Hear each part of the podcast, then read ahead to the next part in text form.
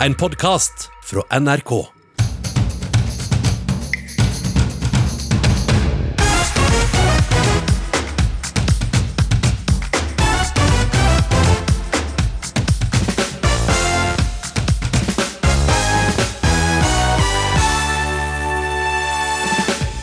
De ruser seg og setter seg bak rattet og kjører.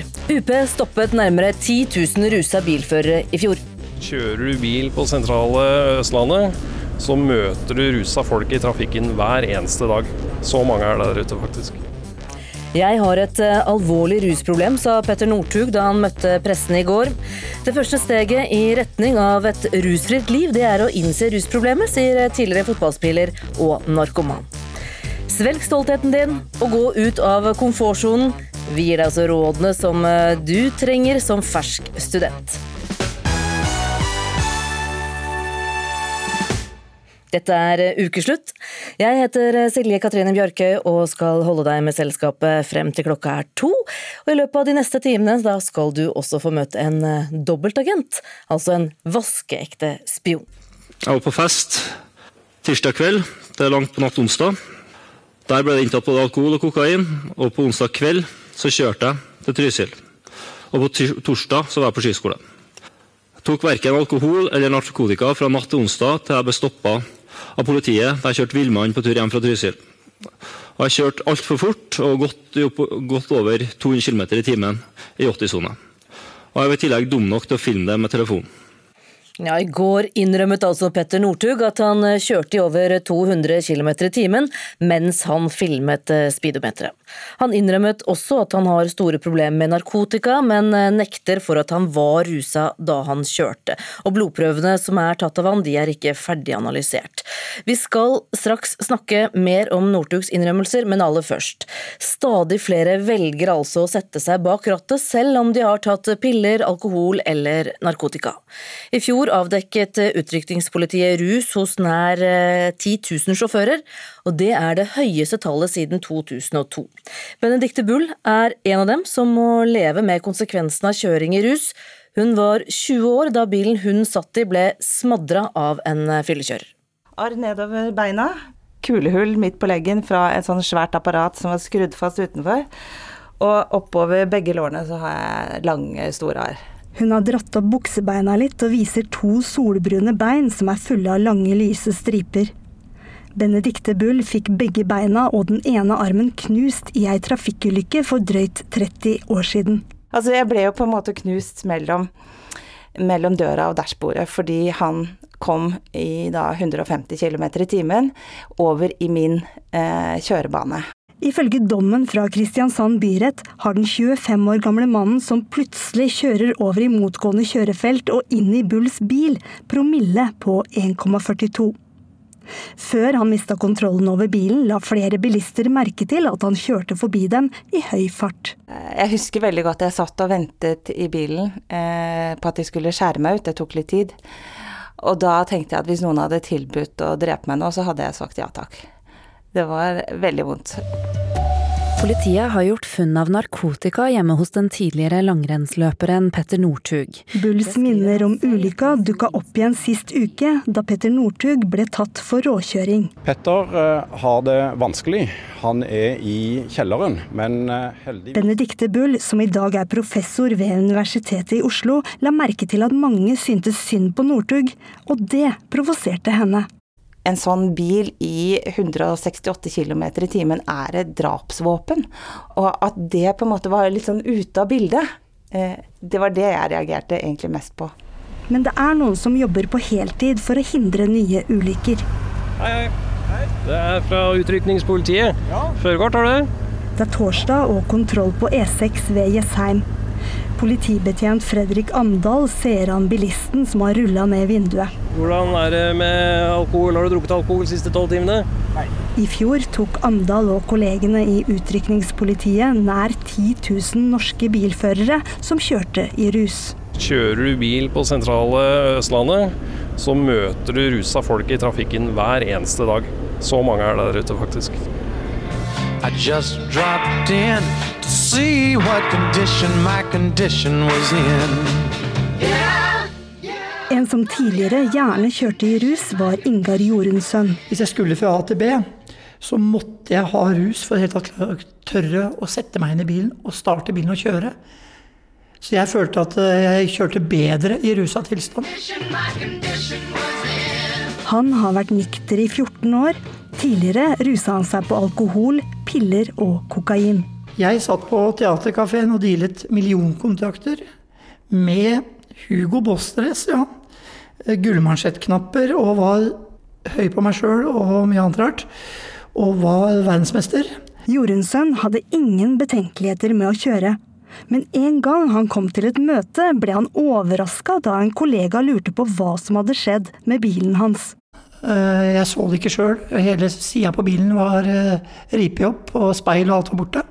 Og det har ikke jeg klart å registrere engang. Men det som er skremmende i dag, det er at jeg ikke husker noe av turen. Og ei heller hvor jeg, hva jeg bulka i. Eh, så jeg gikk flere måneder i redsel for at jeg hadde kjørt på noen, eventuelt et barn eller ikke. Men Ingar Jorunnsson ble aldri stoppa av politiet, og fortsatte å kjøre da bilen var reparert. Jeg tenkte ikke konsekvenser, og det er det som er litt av utfordringen. Man tenker ikke på konsekvenser, eller på, hva, på andre enn seg sjøl. Det er egoismen som tar fullstendig overhånd, eller rusen tar overhånd, da. Tilbake til kontrollen på E6. Her har vi den testkassetten som han uh, mistenkte har hatt i munnen. Politibetjent Fredrik Amdal putter en testpinne inn i noe som minner om en litt stor kortautomat. I en av bilene som står på siden av kontrollkøen, sitter mannen som har hatt pinnen i munnen. Om litt blir det klart om han kjører i rus eller ikke. Nå har jeg bilnøkkelen hans i lomma, så han får ikke kjørt herfra. I juli stoppa Amdal en bilfører som testa positivt på nær sagt alt. Opiater, kokain, amfetamin og benzodiazepiner. Uh, og det er klart at en, en, slik fører ønsker vi ikke å treffe i trafikken bak rattet. Uh, dette er en kar som er tung stoffmisbruker, uh, og han har ingenting bak rattet på en bil å gjøre. Hvor lang tid er det igjen på testen nå? Skal vi se. Nå er den ferdig. Lukker vi igjen. og da ser vi her at den er positiv på cannabis. Dette her skjedde jo eh, til jul. Og det alle rundt meg skjønte jo at jeg klarte ikke å få på meg sokkene selv. Jeg måtte ha hjelp til absolutt alt. Eh, jeg satt jo i rullestol fram til sånn i mai-juni, da jeg kunne begynne så vidt å, å, gå litt med litt sånn gammeldags, rare krykker. Etter et halvt år i rullestol må 20 år gamle Benedicte Bull innse at hun ikke klarer å flytte tilbake til studiene i Oslo. Hun må stadig ta nye operasjoner alt jeg gjorde, gjorde vondt. Altså fra å måtte på do til bare å reise meg opp i senga var forbundet med smerter. Da følte jeg jo litt sånn Det er jeg som er kommet i fengsel her. Mannen som kjørte inn i bilen til Bull, fikk fire måneder i fengsel. Han ønsker ikke å kommentere saken i dag. Jeg har et alvorlig rusproblem. Så på mange måter så er jeg letta over at politiet stoppet meg på torsdag og fant det de gjorde hjemme hos meg. Det har gitt meg en skikkelig vekker. I går innrømte Petter Northug at han kjørte i mer enn 200 km i timen sist uke, men han nekta for å ha vært rusa.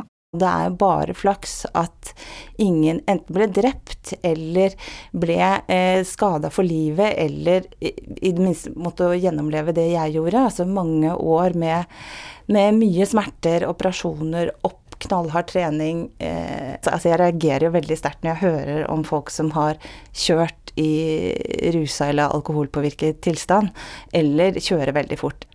Det er vel kanskje noe av det som sitter igjen. Reporter her, det var eh, Kari Li. Jeg har et alvorlig rusproblem bestående av alkohol, narkotika og piller i forbindelse med periodevis hard festing. Jeg har ikke tatt på alvor og fornekta det, og skjult det for dem rundt meg. Rusproblemet har oppstått gradvis etter jeg la opp som toppidrettsutøver i 2018. Jeg har gjort mye jeg skammer over i jakta på spenning og intense opplevelser. Jeg mangla struktur i hverdagen som jeg hadde som utøver. Jeg har skuffa mange med mitt narkotikamisbruk. Jeg er veldig lei meg for at jeg ikke har vært den rollemodellen jeg sjøl ønsker å være. Jeg har nådd mitt livs bunnpunkt, føler jeg, og jeg innser at jeg trenger profesjonell hjelp. Ja, Vi skal altså holde oss til tematikken rus, for dette var litt fra pressekonferansen som ja, i hvert fall store deler av Norge fikk med seg i går. Petter Northug, vinner av bl.a. to OL-gull og 13 VM-gull, innrømmet altså i går, både for seg selv og for Norges befolkning, at han har et alvorlig rusproblem og at han trenger hjelp. Petter Northug innrømmet at kokainbruken hadde gått for langt, og at han ikke lenger hadde kontroll på situasjonen. Det har vært uh, brukt uh, kokain og, og dop under hard festing. Hvor lenge da? De, den hardeste perioden var definitivt i fjor sommer. Og med en litt roligere periode på vinteren, og så har det ja, si, trappa seg litt opp igjen når uh, våren og sommeren kommet igjen. Er du blitt avhengig? ja, jeg føler at jeg har et problem når jeg føler suget etter det når jeg drikker alkohol. Sverre Eika, du er eh, lege og har eh, arbeidet med tungt narkomane i mange mange år og har mye erfaring fra det feltet her. Det du hører eh, Petter Northug si og har gjort, er det typisk før man liksom når bånd? Ja, øh, må jo si det er typisk. Det er ikke typisk for den øh, tunge rusmisbrukeren på gata i Oslo. Det, må, det, kan man ikke si. Av de tunge brukerne så er det mye mer oppvekstvilkår og traumer og overgrep og familieforhold som, som legger grunnlaget for en livslang karriere som rusmisbruker. Uh, Northug er jo ekstremt sprek og på en måte vært veldig oppegående. Uh, men jeg kjenner en, uh, absolutt dette at han er vant til store høyder. Og, og at uh, den tapet av spenningen og den tomrommet man føler etterpå, kan uh, gi behov for uh, at rus kan etter, føles spesielt meningsfullt etter det, kan man se. Så, så det, det vil være Det ser man godt. Sammen eh, med deg til å snakke om dette, så skulle vi hatt eh, Klaus Lundekvam. Han måtte melde avbud pga. sykdom. Han er altså tidligere fotballspiller og har gitt ut boka En kamp til, en bok der han eh, fortalte brutalt ærlig om rusavhengighet og selvmordsforsøk. Han eh, har nå vært rusfri i fem år, men har også opplevd dette. Og det han sier, det er at det viktigste var at han innrømmet overfor seg selv at han hadde et alvorlig rusproblem. Mm. Er du enig det? At det er liksom roten til å komme videre? Ja, det er nok nødvendig det å innrømme det for seg selv. Eller for det altså All forskning viser at alt fra de tunge til de lette til all rusproblematikk Nesten uansett det er så mange ulike eh, behandlingsmåter og ulike institusjoner og ulike tankeganger eh, på rusfeltet. Men, men eh, altoverskyggende er egenmotivasjonen for hvor suksessfullt det er å komme seg ut av det. Ja, hvordan skal man motivere seg? Ja, da er det det, da. ikke sant? Hvis man f.eks., eh, sånn som Northug kanskje eh, har erfaring med, levde et liv som særdeles sprek, eh, som da plutselig prøver et rusmiddel, eller en annen som på en måte har bestått eksamener, skole, hatt sex, altså alt som gir store opplevelser i livet, og så får du deg en pille på en fest, og så plutselig har du en opplevelse som er 100 000 ganger sterkere enn det beste du har opplevd til nå. Det er klart, det, det, det kan være vanskelig å slutte med hvis det bare er den positive assosiasjonen du har der. Og øh, Noen må derfor øh, klart Den følelsen den blir fort borte på alle rusmidler. Den euforien og den superpositive partystemningen den blir meget fort over med lengre og lengre nedturer. Mindre og mindre godfølelse i forkant. Etter hvert så starter man egentlig bare rett på nedturen ofte. Eh, og da er det klart, da kommer av og til motivasjonen krypende på egen hånd. Eh, at dette her er lite poeng å drive med. Når det bare er negative sider. Og nå, nå står det altså mange gode krefter eh, rundt Petter Northug. Og vil han vel, vil hjelpe han. Men når noen sier at de vil ha hjelp, hvordan skal man gå fram for å hjelpe en som da har kommet dit at man vil jobbe seg ut av et rusmisbruk? Da er det det hvis det er det kommer, det kommer, veldig an på Alle er individualister. Og hver, hver, enkelt historie er helt unik. og man må angripe egentlig. Det er veldig vanskelig å si helt generelle ting. Bortsett fra dette med egenmotivasjon at sånn er viktig. Det er, det er, nok kan man si er generelt. Men det kommer helt an på type rusmiddel. Eh, noen rusmidler sånn som amfetamin og kokain det kan du holde på med ganske intenst. Eh, og du kan egentlig kutte det brått uten at noe alvorlig skjer. Selv om du vil savne festen osv. Så, videre. så det vil, det vil veldig ofte gå bra. Eh, Mens hvis du da har spist benzodiazepiner, som mange ofte bruker for å sove etter en fest f.eks., eller GHB eh, fast over tid, det kan man bli skikkelig avhengig av og gå rett i psykose hvis man bråkutter det. Eller man bruker opiater for å roe seg ned på, eller det, det er det man bruker som rusmiddel. Noen bruker jo feste på det også. Så blir man jo så hekta at man må rett og slett avruses. Eh, Man må ha andre medisiner, eller man må trappes gradvis ned for å komme seg ut av det. Det er rett og slett medisinsk eh, problematisk å komme av det. Man må, man må ha kompetanse rundt seg i medisinsk retning. Men, men for Petter Northug sin mm, situasjon så handler det kanskje om å finne noe å erstatte dette med? altså Noe, noe å gjøre, noe å engasjere seg i? Ja, Det høres jo ut hvis han har holdt på to somre. Så høres det ikke helt ut som det sitter så tungt. Jeg vet ikke hvor mye piller han har spist. Når han sier piller, så regner jeg med at han mener- benzodiazepiner. Også type valium og Sobril-type medisiner. Ja, for Vi må jo legge til at eh, Petter Northug har ikke sagt at han er tung misbruker. Nei, nei, nei. Og det regner jeg ikke med heller. To, to somre på den måten. Det høres ikke ut som han er noe tung misbruker. Men det at han savner det, og det at det på en måte har blitt en livsstil, det, det, det, det kommer ganske raskt. Men, men eh, eh, det kommer an på om han der er, kommer til å få abstinenser hvis han har spist så mye piller eller benzo at, at det har satt seg. Da må han på en måte avruses, og benzoabstinenser kan sitte ganske lenge. Men eh, jeg regner med at han kan slutte ganske raskt, og det viktigste for han er kanskje å ha, ha et eller annet virkelig viktig i livet å overta det med, som kan erstatte sporten. Hva- Og også erstatte festen. Hvilken rolle spiller venner og familie her, da? Uh, Så langt jeg har forstått det, tror jeg virker det som Northug i hvert fall har en uh, familie som uh, kan bidra i positiv retning med, med, å, med å hjelpe og støtte. Eh, hos andre så er det jo familien som kan være problemet eh, til at de bruker rus. Og da er det kanskje viktigere å finne avstand til familien. Av og til er det jo søsken eller familie som kommer og ser, gir dem preparatene. Så, så det, det kan bare både være både og. Men hvis det er eh, en bra ting, så er det bare å benytte seg av alle de gode kreftene rundt Ja, absolutt. Det er det. Takk skal du ha, Sverre Eika, som også er lege, og har mye erfaring med å å arbeide fra narkomane gjennom mange år. Takk for det. Nå, tenk deg ca. 100 år fram i tid, og tenk på bøker. Kommer vi til å lese bøker om, som er skrevet i dag da? Og hvordan vil de i så fall bli oppfatta?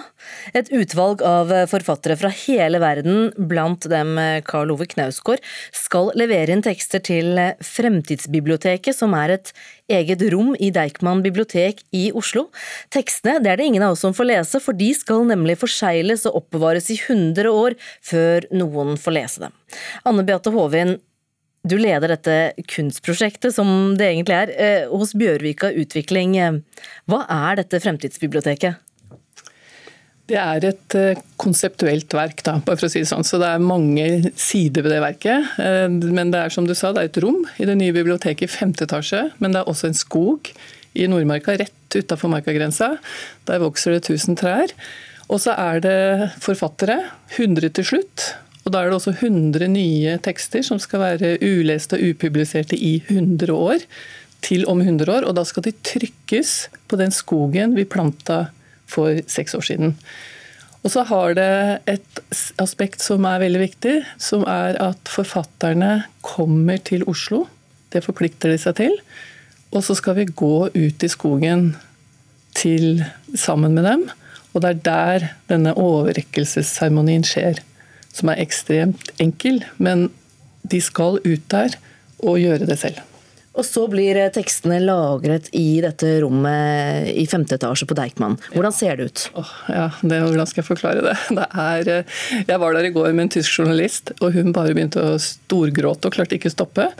Og Det er fordi jeg tror du kommer fra det utrolig kule biblioteket, og så går du inn i en sånn gang. og denne, De er jo lagd av den grana som vi høgg før vi planta tusen nye trær. Og så er det som å gå inn i et tre. Rett og slett med 100 årringer eh, og bokser som lyser opp, som er lagd av håndstøpt glass på Magnor. Og der skal da manuskriptene legges inn. Så det er blitt et veldig sekulært, sakralt rom. Bokanmelder her i NRK, Knut Hoem. eh, Forfatterne som er bedt om å skrive, de skriver for et publikum som er 100 år frem i tid. Vi snakker om folk som kanskje ikke engang er påtenkt. Eh, Hvilke utfordringer er det for forfatterne? Nei, vi vil jo ikke sitte her da, blant annet. Og det er klart det vil jo bli veldig rart for våre barnebarn eller barnebarnsbarn. Og å lese om ja, hva vet jeg, altså om det er munnbind på bussen, at vi gikk med det, eller at uh, det lå strødd elektriske sparkesykler uh, overalt. Alt dette vil jo være, fortone seg som eksotisk. Um, men uh, det er klart at for at dette skal fungere om 100 år, så må det ligge noen evige problemstillinger i bånn. Det er ikke nok med disse såkalte tidsmarkørene. Det er ikke nok å se på en måte et, en annet, et annet Oslo eller et annet uh, Hongkong, eller hvor det nå er uh, historien utspiller seg. Ja, Hva kan det være da?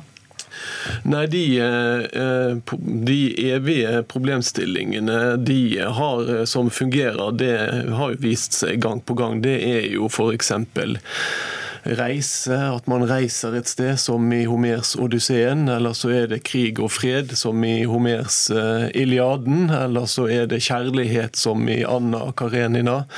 Uh, altså De temaene de ligger der, og de fungerer også i dag. Uh, det siste eksempelet jeg kommer på, er jo da jeg leste 'Jonas' av forfatteren Jens Bjørneboe så er det jo sånn at først så bruker du 20-30 sider på liksom å skjønne at språket har forandret seg litt. Grann, Sant? At det, uh, Bjørneboe var sånn riksmålsmann og, og, og, skriver ganske sånn konservativt. Så tar det 30 sider, og så plutselig så sitter du og tenker bare sånn De der forbanna salamanderne, som han kalte de slemme lærerne, som plager den guttungen. Og barn som blir plaget på skolen, og som plages der, det, det er ikke noe som har gått av moten, og det kommer til å være et tema også om, om 100 år. Så på en måte så må forfatterne knytte seg an til disse her store temaene. Anne, Anne Beate Hovin, eh, hva, hva skjer med tekstene etter 100 år? Nei, da skal de, det blir, eh, nå, som Folk må skjønne at nå Margaret Atwood, som var den første, for henne er det 100 år. Ja, hun er bare superglad for at det ikke finnes anmelder, og hun slipper å bekymre seg for det der. Men den siste forfatteren har jo da bare et år på seg. Så blir samtlige tekster, som da har vært upublisert og ulest i disse årene, trykket på papir laget av de trærne som vi har planta i Nordmarka. Og hvem er det som får lese dem? Ja, da er det 4000 eh, editions da, til salgs. Eh, og noen kan kjøpe det nå allerede, faktisk. Og så da er det jo publisert. Da kan, vi, kan alle som lever da, lese dem. Knut Hoem, eh, disse forfatterne de kan jo skrive hva som helst. Kan de bli misforstått? Kan man få et inntrykk av hvordan det var for 100 år siden som er helt feil? Ja, dette er jo et helt uh, unikt uh, prosjekt. Det er jo ingenting som ligner på dette. For det er de bøkene som jeg nevnte nå, det er jo bøker som er blitt løftet frem av generasjoner. at uh, Det er derfor de er blitt klassikere. Mens om disse her, dette her blir jo postkort fra en annen tid. Flaskepost fra en, fra en annen tid som driver i land om 100 år. Så, så, så vi vet jo overhodet ikke hva det er som står der men, eh, men eh, vi får jo bare Uh, tro da at, at, vi da vil se den, vår tid At de vil se hvordan vi hadde det nå. Um, allerede nå så er det jo sånn at hvis man f.eks. leser Tante Ulrikkes vei av den norske forfatteren, Oslo-forfatteren Seshan Shakar, så ser man hvordan terrorangrepet i New York 11.9.2001 fikk ringvirkninger på Stovner i Oslo. Og Det er bare 20 år siden, men det føles allerede ganske lenge siden. Så Sånne oppdagelser vil man jo også gjøre når man leser disse tekstene her. Anne Beate Hovin, eh, tror du de kommer til å lese det? At vi leser bøker fysisk om 100 år? Ja, eh, der hører jeg bare Margaret Atwood. Hun sier at det er jo akkurat det dette prosjektet sier. Vi insisterer på at vi kommer til å lese om 100 år. Og så får vi tro at det blir sånn, da. Anne Beate Hovin i Fremtidsbiblioteket og bokanmelder her i NRK, Knut Hoem, takk skal dere ha. Og akkurat eh, dette med hvilke av nåtidens litterære verk som kan være interessante å lese om 100 år, det er noe vi i NRK også har sett på. Knut Hoem, ja, som du nettopp hørte, han er på vei ut døra. Eh, han har sammen med Marta Norheim laget en serie med ti verk fra litteraturhistorien som de tror at eh, vil bli lest om 100 år. Og den heter Norheim og Hoem forteller litteraturhistorien, og den kan du høre i NRKs radiospiller.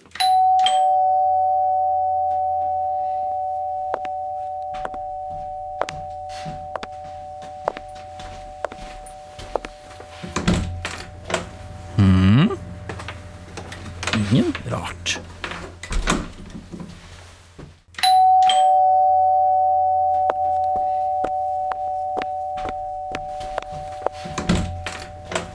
Ja, hallo? Hvem der? Nei.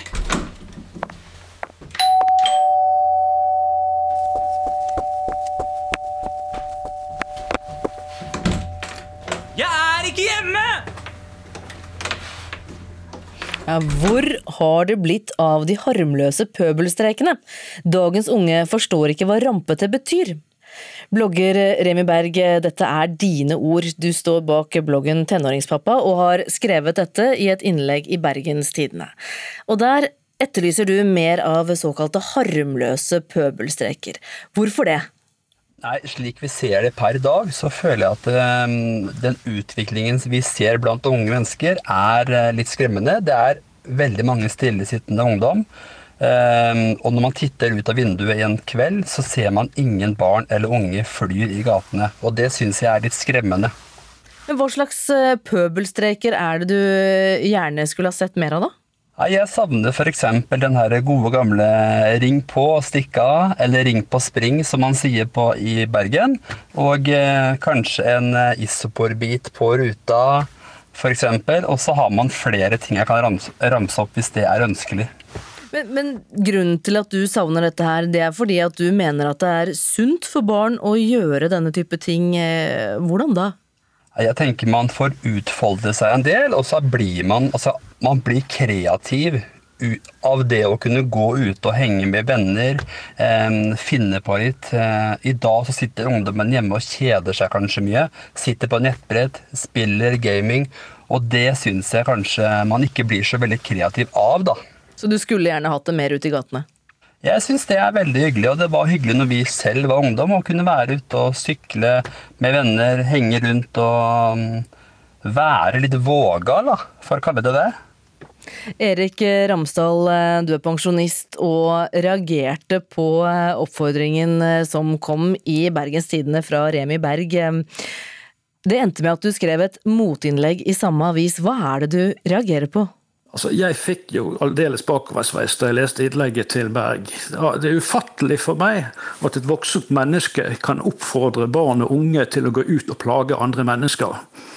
Det, det er helt ufattelig for meg. Og det er ufattelig for veldig mange andre som har kontaktet meg etter jeg skrev innlegget og sagt at de deler min oppfatning og de er blitt plaget på samme måte som meg.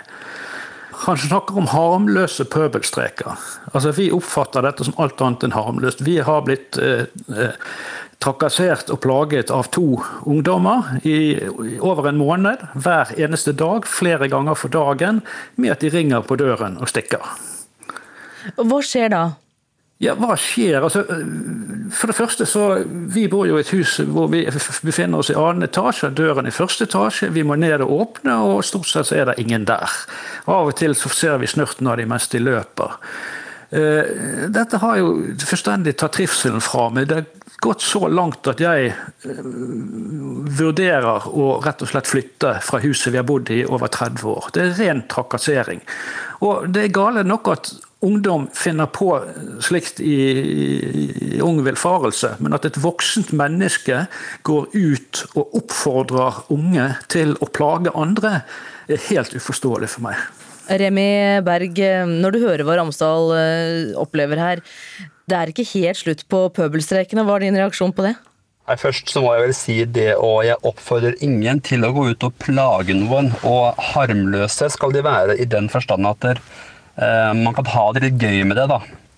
Eh, men jeg forstår Så Det er en stor skille på det å være harmløs og det å faktisk eh, drive med lovbrudd da, og plage noen. Da må det anmeldes tenker jeg. Og jeg veit ikke hvorfor de er så innmari på, Erik, men det er jo selvfølgelig ikke det man oppfordrer til, tenker jeg. Men det er kanskje ikke så lett å skille hva som er greit og ikke greit? Nei, det er nå én ting, og nå vet ikke jeg som sagt hvorfor de oppsøker han, men hadde de Jeg også har svært, svært få tilfeller, men de som kommer til meg, jeg er litt med på leken, på en måte, kall det leken, da, og jeg eh, kan løpe etter de, og de ønsker jo en reaksjon, tenker jeg. Det er derfor man ringer på. Ramsdal, når, du, når de ringer på, hvordan reagerer du? Hva sier du til dem? Ja, det er jo bare én gang jeg har på en måte kommet så tett på dem at det har vært mulig å si noe. Og da henstilte jeg Det var han ene som hang litt etter og forsøkte å gjemme seg. Og sa det, vær så snill og slutt med dette. dette sånn kan det ikke være. Og det er eneste gangen vi har hatt sånn direkte dialog med dem. Men vi har også satt opp plakat ved ringeapparatet, hvor vi har henstilt til dem om å slutte å plage oss. Først på en pen måte, senere med trussel om å kontakte deres foreldre. Problemet er at vi vet jo ikke hvem det er. Men, men, men tilbake til, til Berg. Du, du, du, ber jo nettopp om at de skal gjøre mye mer av det, denne plagingen i, i innlegget ditt. Ja, nå er det ikke akkurat plaging jeg går ut og, og, og ber dem å gjøre, men jeg tenker at det man altså, jeg tenker, hva, eh, hva, med den gode, gamle lommeboka som lå i gata med en hyssing, og det kanskje lå en eh, liten seddel inn eller et eller annet, den også er jo helt borte, på en måte, da. Ja, men Det er ikke det vi snakker om nå. Mitt innlegg handler om å ringe og springe. Og du skriver i innlegget, jeg skal sitere, det er ikke ofte det ringer på døra og du ser barn løpe av sted. Men dette synes jeg de skal gjøre mye mer av. Ja, det syns jeg. Og det syns jeg man blir altså Det er jo det som er litt spennende, det å få kanskje noen etter seg. Det å, men det må være harmløst, ikke sant. I, og det å plage, da tenker jeg da har man gått litt for langt.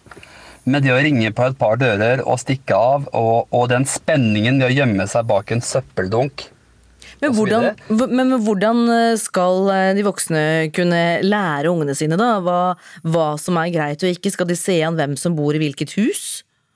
Nei, det tenker jeg ikke. Jeg syns, jeg sier til barna mine gå ut og finn på noe hyss. Jeg oppfordrer litt til det, men det må være begrensninger. Man må ikke tråkke over en strek som det å plage, som Ramsdal sier. Det, og det skjønner jeg er feil.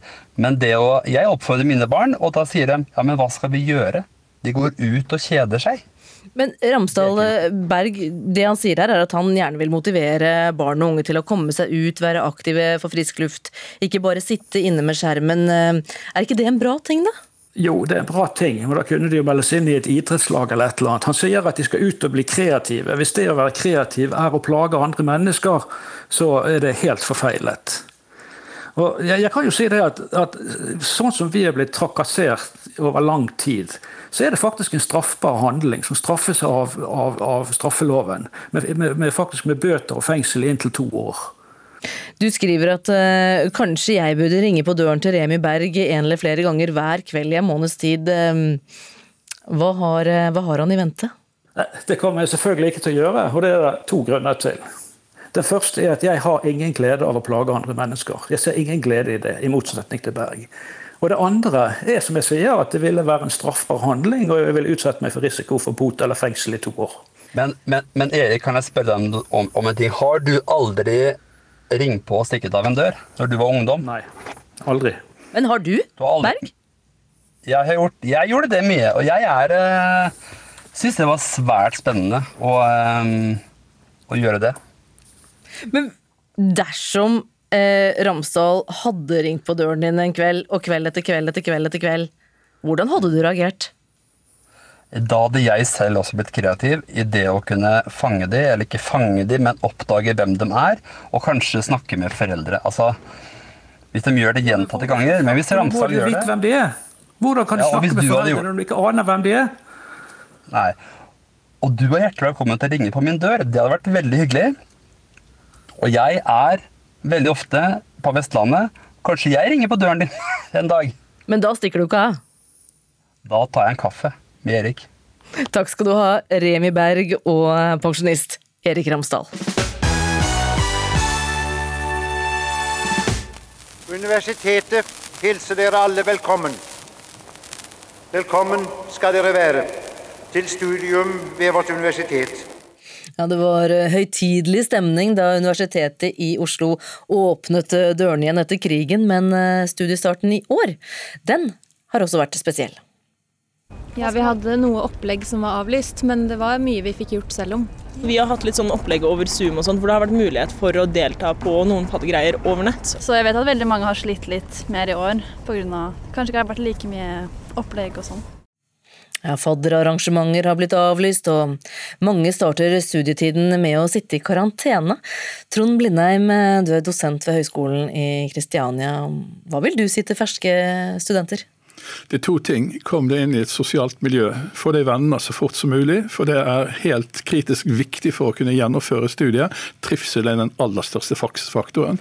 Det andre er skjerp deg. Det er over 300 000 studenter ved norske universiteter og høyskoler. Karakterer betyr mer og mer for å få de viktige, spennende og interessante jobbene. Birgit Skarstein, du er toppidrettsutøver og har også hatt en første gang som student. Hvordan var ditt første møte med Blindern der hvor du gikk? Du, jeg hadde et kjempegodt møte med Blindern. Vi hadde jo masse artig fadderaktivitet. Jeg tror kanskje det var noe av det aller mest givende i starten. Vi hadde så mange artige sosiale sammenkomster. Eh, og mye engasjerte folk. Altså. Det er jo det som er litt kult med Studiestart, det, det kommer jo folk fra hele landet, så man kan virkelig skaffe seg mye forskjellige venner. Så nei, jeg har en kjempepositiv, kjempepositive minner fra det.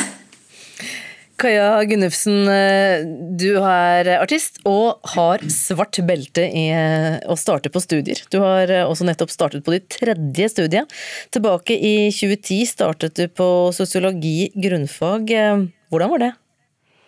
Eh, ja, jeg hadde en veldig motsatt opplevelse. Jeg var stritta veldig imot alt det sosiale og var havna fort helt utafor alt. Jeg forsto rett og slett ingenting. Jeg syns Blindern var stort og, og, et merkelig sted. Og, ja, og var litt sånn arrogant til, hadde litt sånn arrogant innstilling til hele Særlig hele det sosiale opplegget, da. Så ja, jeg var ikke ve veldig begeistra.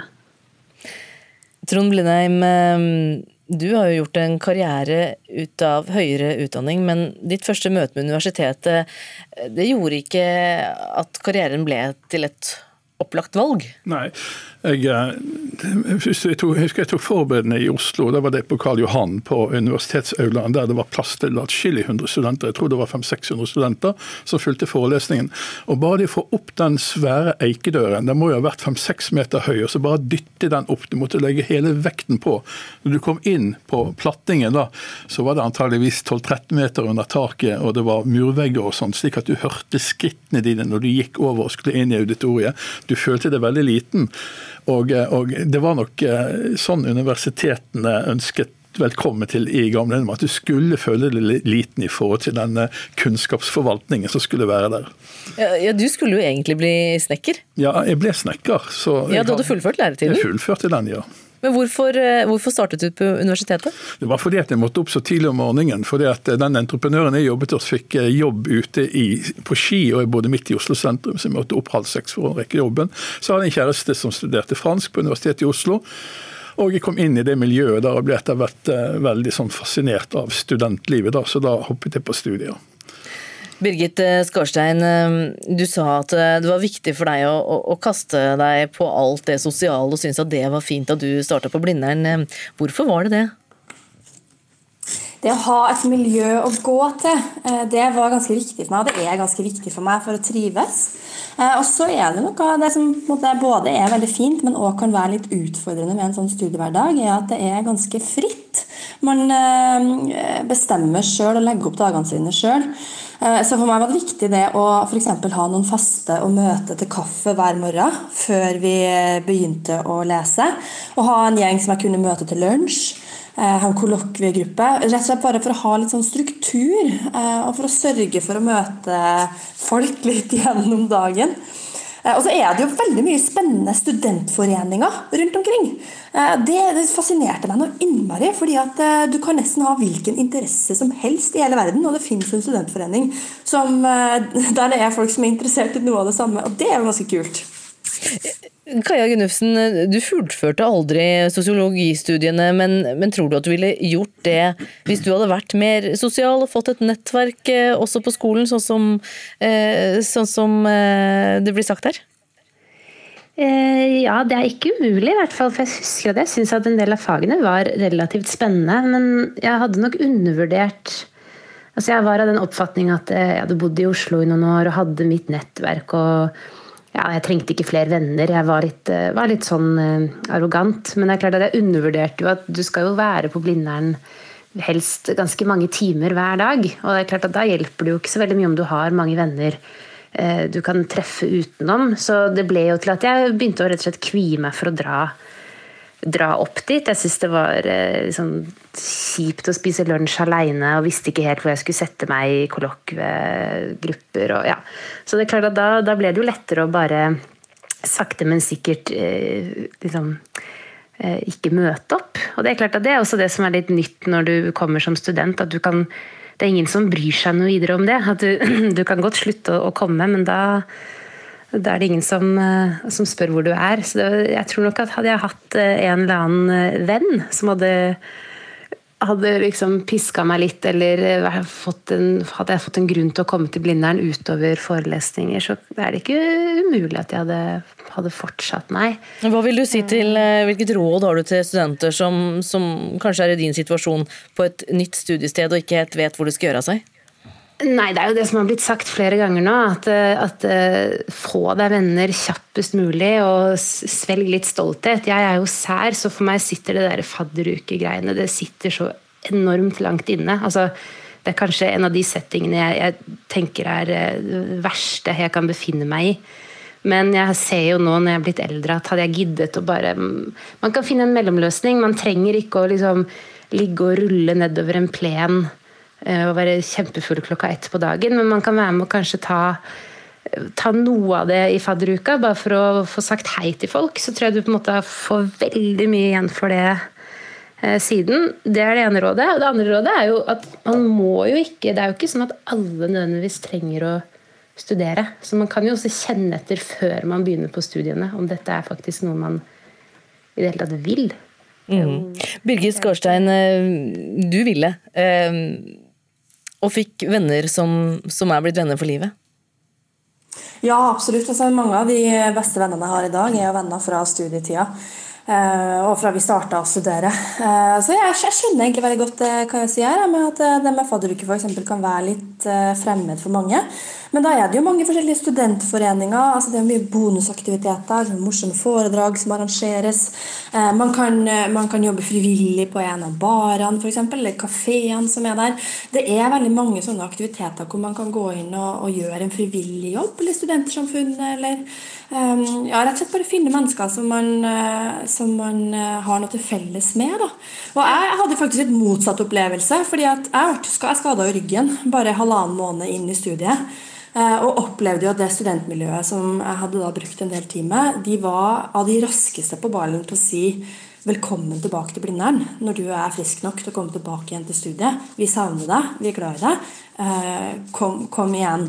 Så jeg tror liksom at man må ta litt ansvar for å skape seg sitt eget miljø, om det er stort eller lite. Jeg, jeg må avbryte det der for Trond Blindheim, du sitter her og, og nikker og i et intervju med eh, Universitas, altså studentavisen i Oslo, der sier du at du, du husker erotikken bedre enn matematikken. Ja, Det var en spissformulering, men jeg husker veldig godt det sosiale miljøet. Jeg husker nesten ingenting fra forelesningene og det faglige som foregikk, men det sosiale var veldig spennende på den tiden jeg studerte. Det var en sterk politisk polarisering, og nesten alle studentene var med i en eller annen studentforening som hadde en slags politisk slagside. Så det var spennende, morsomme diskusjoner på Chateau Neuf, og veldig gode, morsomme veggavisdiskusjoner. Studentene ble dratt inn i disse miljøene med det samme de kom. Men det jeg har lagt merke til, jeg har jobbet nå i 35 år i akademia, og det jeg har sett at mange av de som gjør det godt i arbeidslivet, de var de samme som gjorde det godt mens de studerte. Enten faglig eller at de var aktive i studentforeningen. Så det betyr at det kan være lurt å legge litt arbeid i å få gode rutiner? Absolutt. Vi får eh, konkludere. Konklusjonen er kanskje at eh, det er bare å hive seg i det, selv om det er nytt en første gang for alt. Takk skal dere ha, Birgit Skarstein, Kaja Gunnufsen og Trond Blindheim.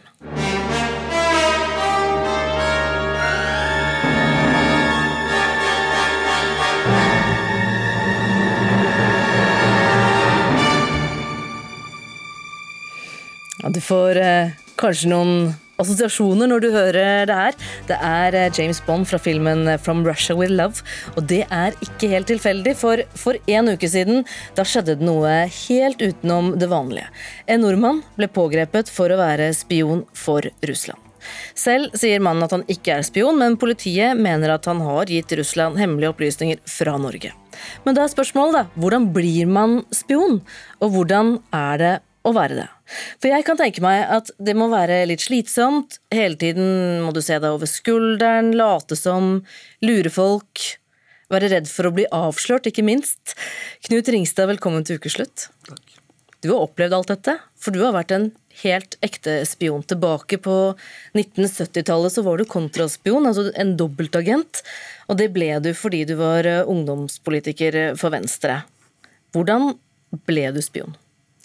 Altså Jeg ble spion gjennom at jeg da hadde regelmessig kontakt med en russisk diplomat, som da var for så vidt var en del av det å være ungdomspolitiker i Oslo og pleie kontakter med østeuropeiske miljøer. Unge Venstre var jo veldig opptatt av kommunikasjon østover, og det gjorde oss også som det eneste ikke-sosialistiske parti som var interessert i det, spesielt interessert for østeuropeerne. Så vi hadde da alle sammen i ledelsen regelmessig kontakt med østeuropeiske ambassader. Og så var det en som eh, ville ha deg til å ta dette litt lenger? Ja, det var en som da interesserte seg kanskje spesielt for meg, og møtene ble hyppigere. Men dagsordenen var veldig formell og inn, helt klart innenfor de rammer man kan ha i relasjon til en uh, utenlandsk representant. Uh, og de temaene vi diskuterte, var jo temaer vi også diskuterte i Unge Venstre-miljøet. slik at det var ikke noe hemmeligholdelse rundt når vi møtte hvem, og hva vi snakket om. Det var helt åpent på bordet. Men en eh, ingrediens i, i eh, spionvirksomhet, det er hemmelighold. Hemmelige møter, utveksling av informasjon, penger. Hvordan skjedde det? Det som skjedde, var at eh, vedkommende ba meg gjøre ham private tjenester. Og jeg sa at det er helt klart utenfor det samarbeidet vi har. Og at det du egentlig gjør nå, er å be meg om å bli spion. Så det er jeg ikke interessert i. Og da sa han ok, eller? Eh, da ble møtet slutt. Eh, jeg gikk da til eh, Venstres generalsekretær, som igjen tok kontakt med formannen i utenrikskomiteen, da Helge Seip, som igjen tok kontakt med overvåkningspolitiet på, på, borte ved terrassen der. Og jeg satt ganske snart i ganske langt avhør og gikk gjennom hele mitt hendelsesforløp med russeren som for øvrig åpenbart stemte med det bildet politiet allerede hadde av min eh, aktivitet. Og, og så ba du dem å fortsette, rett og slett? Og så ba de meg om å fortsette. Og da ble det hemmelig. Mahmoud Farahmand, tidligere etterretningsoffiser og nå sikkerhetsekspert for selskapet BDO. En norsk mann er altså nå pågrepet for å være spion og har delt norske hemmeligheter med Russland, hvis det nå da viser seg å stemme. Skjer dette på samme måte i dag som det Ringstad forteller om fra 70-tallet? Eh, ja, det er jo altså samme type tilnærminger, bare med noen eh, større muligheter i dag enn tidligere. Altså I dag så ligger veldig mye om, iallfall i vår del av verden, om enkeltindivider på de sosiale medier. Så man kan lettere kartlegge. Altså Et av de helst initielle prosessene i en sånn rekruttering av eh, det vi kaller for en kilde, er jo nettopp dette for å finne ut hvem kan svare på de spørsmålene man har. Og da snakker vi om dette med å finne talenter, da, hvis man skal bruke talents, talentspeiding eller talent Trainspotting ting som en av disse prosessene. Ja, hvem er det da som typisk blir spion? Eh, hvem som blir typisk spion er jo vanskelig å svare på. Det er helt avhengig av hva slags informasjon det landet er ute etter. Men det er helt avgjørende å være klar over at individer som har tilgang til informasjon eh, som er av interesse for en trusselaktør, for å bruke det begrepet, eller i dette tilfellet Russland, er eh, klare mål. Og det, hva Russland er interessert i, fremkommer jo de åpne årlige trusselvurderingene våre her i Norge, som PST, E-tjenesten og til dels NSM utgir. Um, så det kan altså eh, Det vi vet, er at Russland er i og for seg altså, vi skal snakke om dette spesifikke tilfellet, interessert i informasjon om våre sikkerhetspolitiske aktiviteter, om teknologi, og ikke minst eh, interessert i å kunne påvirke beslutningsprosesser. Mm. Knut Ringstad, du var altså kontraspion. Russland og KGB trodde at du var deres mann og ga dem hemmelige opplysninger, men i virkeligheten jobbet du for Norge og ga bort helt ufarlige opplysninger. Hvordan var det å lure KGB? Nei, jeg syns det var uh, ganske enkelt, egentlig. Og i ettertid så ble jeg veldig overrasket over hvor lite profesjonelle de var. Uh, til tider så lurte jeg på om uh, jeg ikke forsto hvor skarpe de var, eller om de egentlig var amatører. Og jeg må si at i ettertid så føler jeg at de var amatører. Men, og det jeg overga til russeren, det var jo ting skaffet til veie av det norske politiet. slik at det var ikke noe opplysninger av betydelig hemmelig grad. Var du redd for å bli avslørt? Jeg var ikke redd for å bli avslørt, men altså, situasjonen den gangen var jo at veldig mange mente at Unge Venstre var løpegutter for kommunistene i øst. Og det at nestleder i Unge Venstre skulle bli tatt på herretoalettet med en russisk diplomat hvor vi byttet papirer og penger, ville jo vært en veldig fin gave for veldig mange på høyresiden i norsk politikk den gangen. Mahmoud Farahman, denne mannen som nå er arrestert, ble pågrepet på et restaurant i Oslo mens han da ifølge politiet hadde et møte med en russisk etterretningsoffiser, hvilket han da skal ha hatt flere ganger. Og politiet mener at han er klar over hva han gjorde. Hvor bevisst er valget om å bli spion? Eh, det å bli rekruttert som agent eller, eller, informant, eller hva kilde, om man skal bruke det begrepet, eller det du kaller for spion, da, er jo det som eh, Altså, det, det, er til dels en bevisst handling, men det foregår over tid. Altså, hvis jeg skal rekruttere deg, da, som en eh, agent eller informant i NRK, for å bruke det begrepet, så, så er det jo litt sånn at jeg må først finne ut hva som interesserer deg. Det vil være lite, litt vanskelig for meg å tilnærme deg hvis jeg ikke vet hvem du er, så jeg må først kartlegge hvem du er, og, og innhente det, og etablere en relasjon, slik som også beskrives av Ringstad. Etablere en relasjon på kanskje formell plan, men etter hvert gjør det mer og mer personlig. Mm, hva, hva kan det være? Um, altså, Vi motiveres av forskjellige ting. La meg si, altså Hvis vi Vi skal bruke veldig banale eksempler nå. da, altså Hvis folk interesserer seg for fotball, så er det kanskje greit å finne en, en eh, føringsoperatør, en etterretningsoperatør som også interesserer seg for fotball, som kan åpne denne døren. I dette tilfellet så er det kanskje teknologi man interesserer seg for. Man, man møtes på felles plass, steder flere ganger. Uh, helt åpenlyst og snakker om helt ufarlige ting. Etter at en relasjon er etablert, så begynner man å etterspørre bistand, hjelp, eller kanskje til og med påvirke individets motivasjon. Vi motiveres av forskjellige ting. Noen motiveres av oppmerksomhet, andre motiveres av ja, dette med anerkjennelse er veldig vanlig å bruke. Eh, og penger er jo et tema. Det som kanskje er litt, sånn, litt viktig å huske på, er at eh, veldig, når vi snakker om motiveres av penger, så er belønninga man gis kanskje ikke alltid det viktigste, men det er den personlige relasjonen som er etablert. Så kommer motivasjonen for pengebeløp etter hvert som eh, kanskje kravene om informasjon overlevering og innhenting blir større og større. Knut Ringstad, hvis du skal gi et råd altså hvis man blir utsatt for dette da, eh, i en eller annen sammenheng, eh, hvordan skal man kjenne igjen at man blir lurt opp i, i stry? Jeg tror at uh, alle vet hva man kan snakke om uh, med en utenlandsdiplomat. Hvilke tema man kan ha med, med, den diplomaten. og Det må da ligge innenfor de rammene som er for en diplomat å operere i et land som Norge. Når da diplomaten ønsker å gå videre utover de forholdene der, så, så bør man sette ned foten og ta kontakt med politiet og si at man er utsatt for en slik tilnærmelse. og Eh, min erfaring med samarbeidet med politiet var veldig veldig god. Jeg er overbevist om at går noen til politiet i dag, og jeg er blitt kontaktet av flere sjøl, og mitt råd er gå til politiet og la de vurdere din sak. Ikke gjør dette vanskelig. Takk skal du ha, Knut eh, Ringstad, tidligere dobbeltagent, og Mahmoud Farahman, som altså er tidligere etterretningsoffiser og nå sikkerhetsekspert i eh, BDO. Takk skal dere ha, begge to. Nå må vi sammen beholde kontrollen. Det gjør vi med å vaske hendene.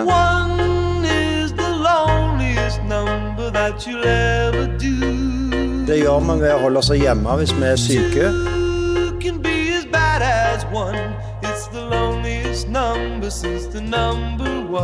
Og det gjør vi med å holde minst én meters avstand til hverandre.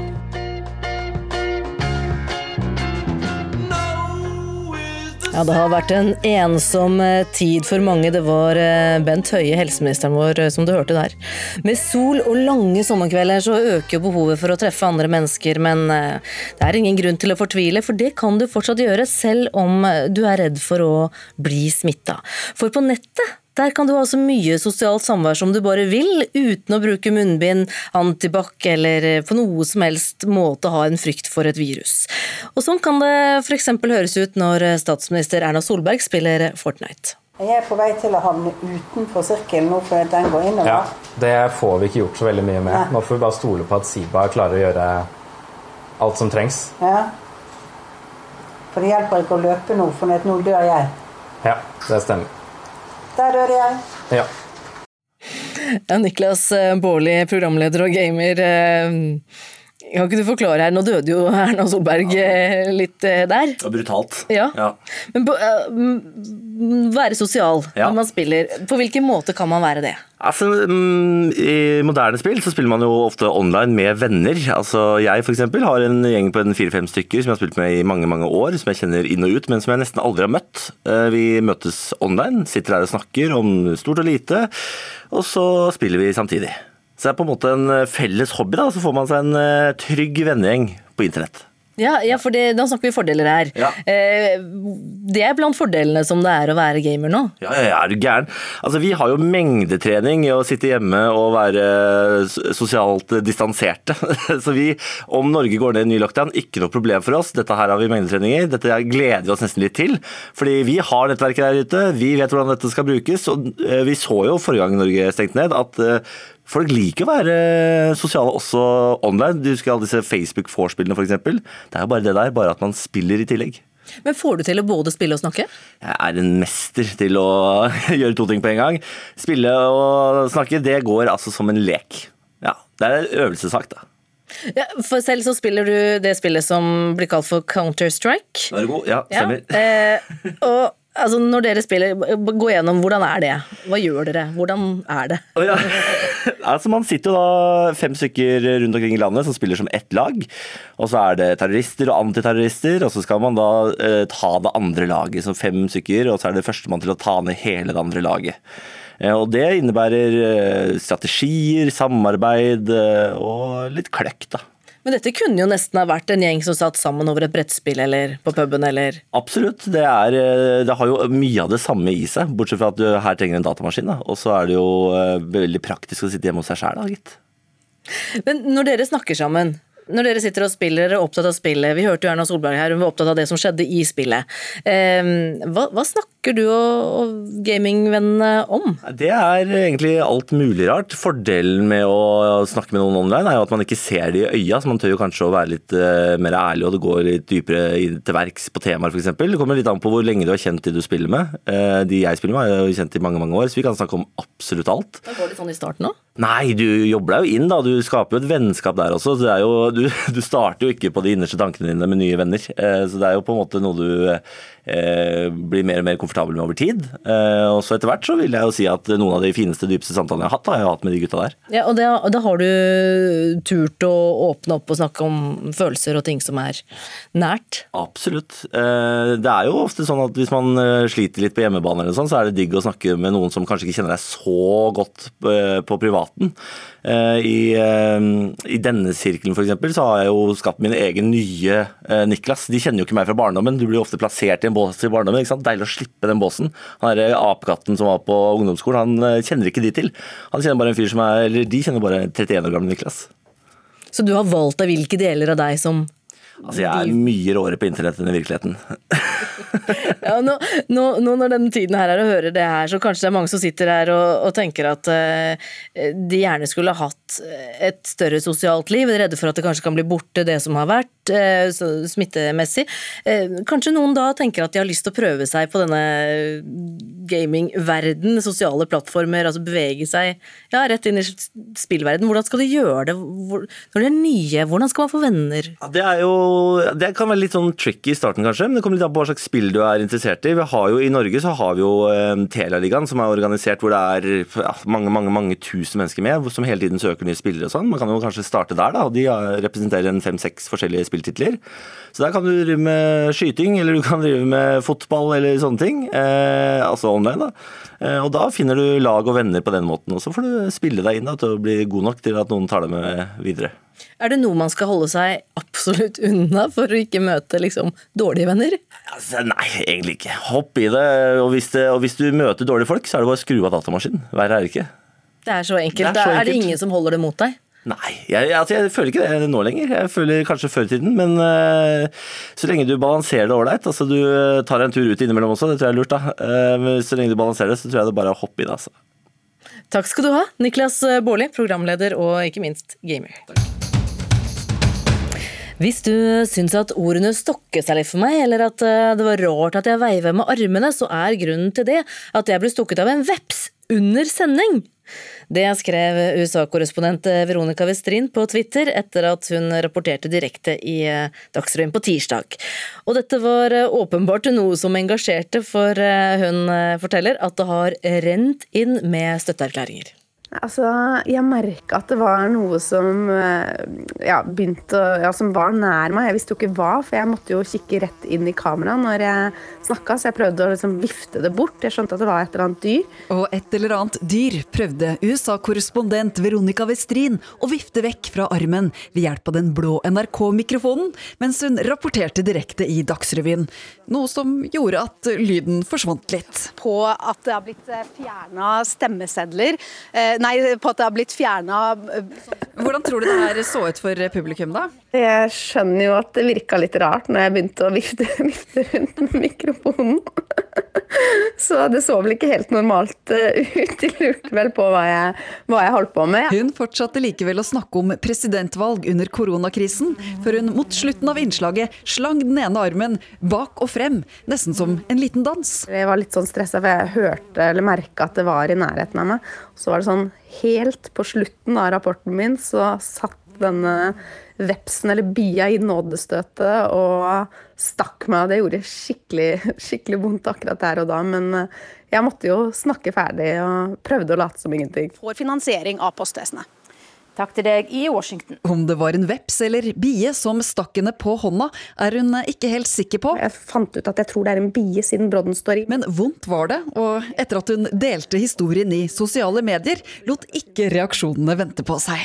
Det har jo vært eh, overveldende, virkelig, fordi jeg la det ut i sosiale medier for å gi en slags forklaring på hvorfor jeg oppførte meg som jeg gjorde. Eh, og det har jo rent inn med støtteerklæringer, så dette er åpenbart noe som engasjerer. og Jeg føler vel ikke at det er så synd på meg, men, men all den omfangstanken jeg har fått nå, har vært veldig fin. Så jeg er vant til å få mye kjeft da, som journalist når jeg rapporterer, så det er jo litt hyggelig at, eh, at det kommer litt eh, gode ord. Ja, for publikum syns ofte det er gøy å se litt av mennesket bak den profesjonelle rollen, sier Magnus Hoem Iversen, medieviter ved Universitetet i Bergen. Og se at å ja, også de profesjonelle kan gjøre feil, og alle kan ha uhell på jobben. Det er på en måte dypt menneskelig. Enten en programleder hoster ustanselig, sier feil navn Takk skal du ha, Jens Stoltenberg. Nei, Eller får latteranfall. Ja, så blir det et slags komisk forventningsbrudd, sier han. Så er det jo ofte veldig morsomt. Det er en slags sånn um, slapstick-humor som kommer inn i det veldig seriøse nyhetsformatet. Også oss politikere liker vi å se litt av mennesket bak, sier Hoem, og trekker fram episoden da statsministeren glemte å følge sitt eget råd og nesten håndhilste før hun ble avbrutt. Liksom den der uh, app-app-app-bevegelsen, den uh, gikk jo sin seiersgang rundt på internett.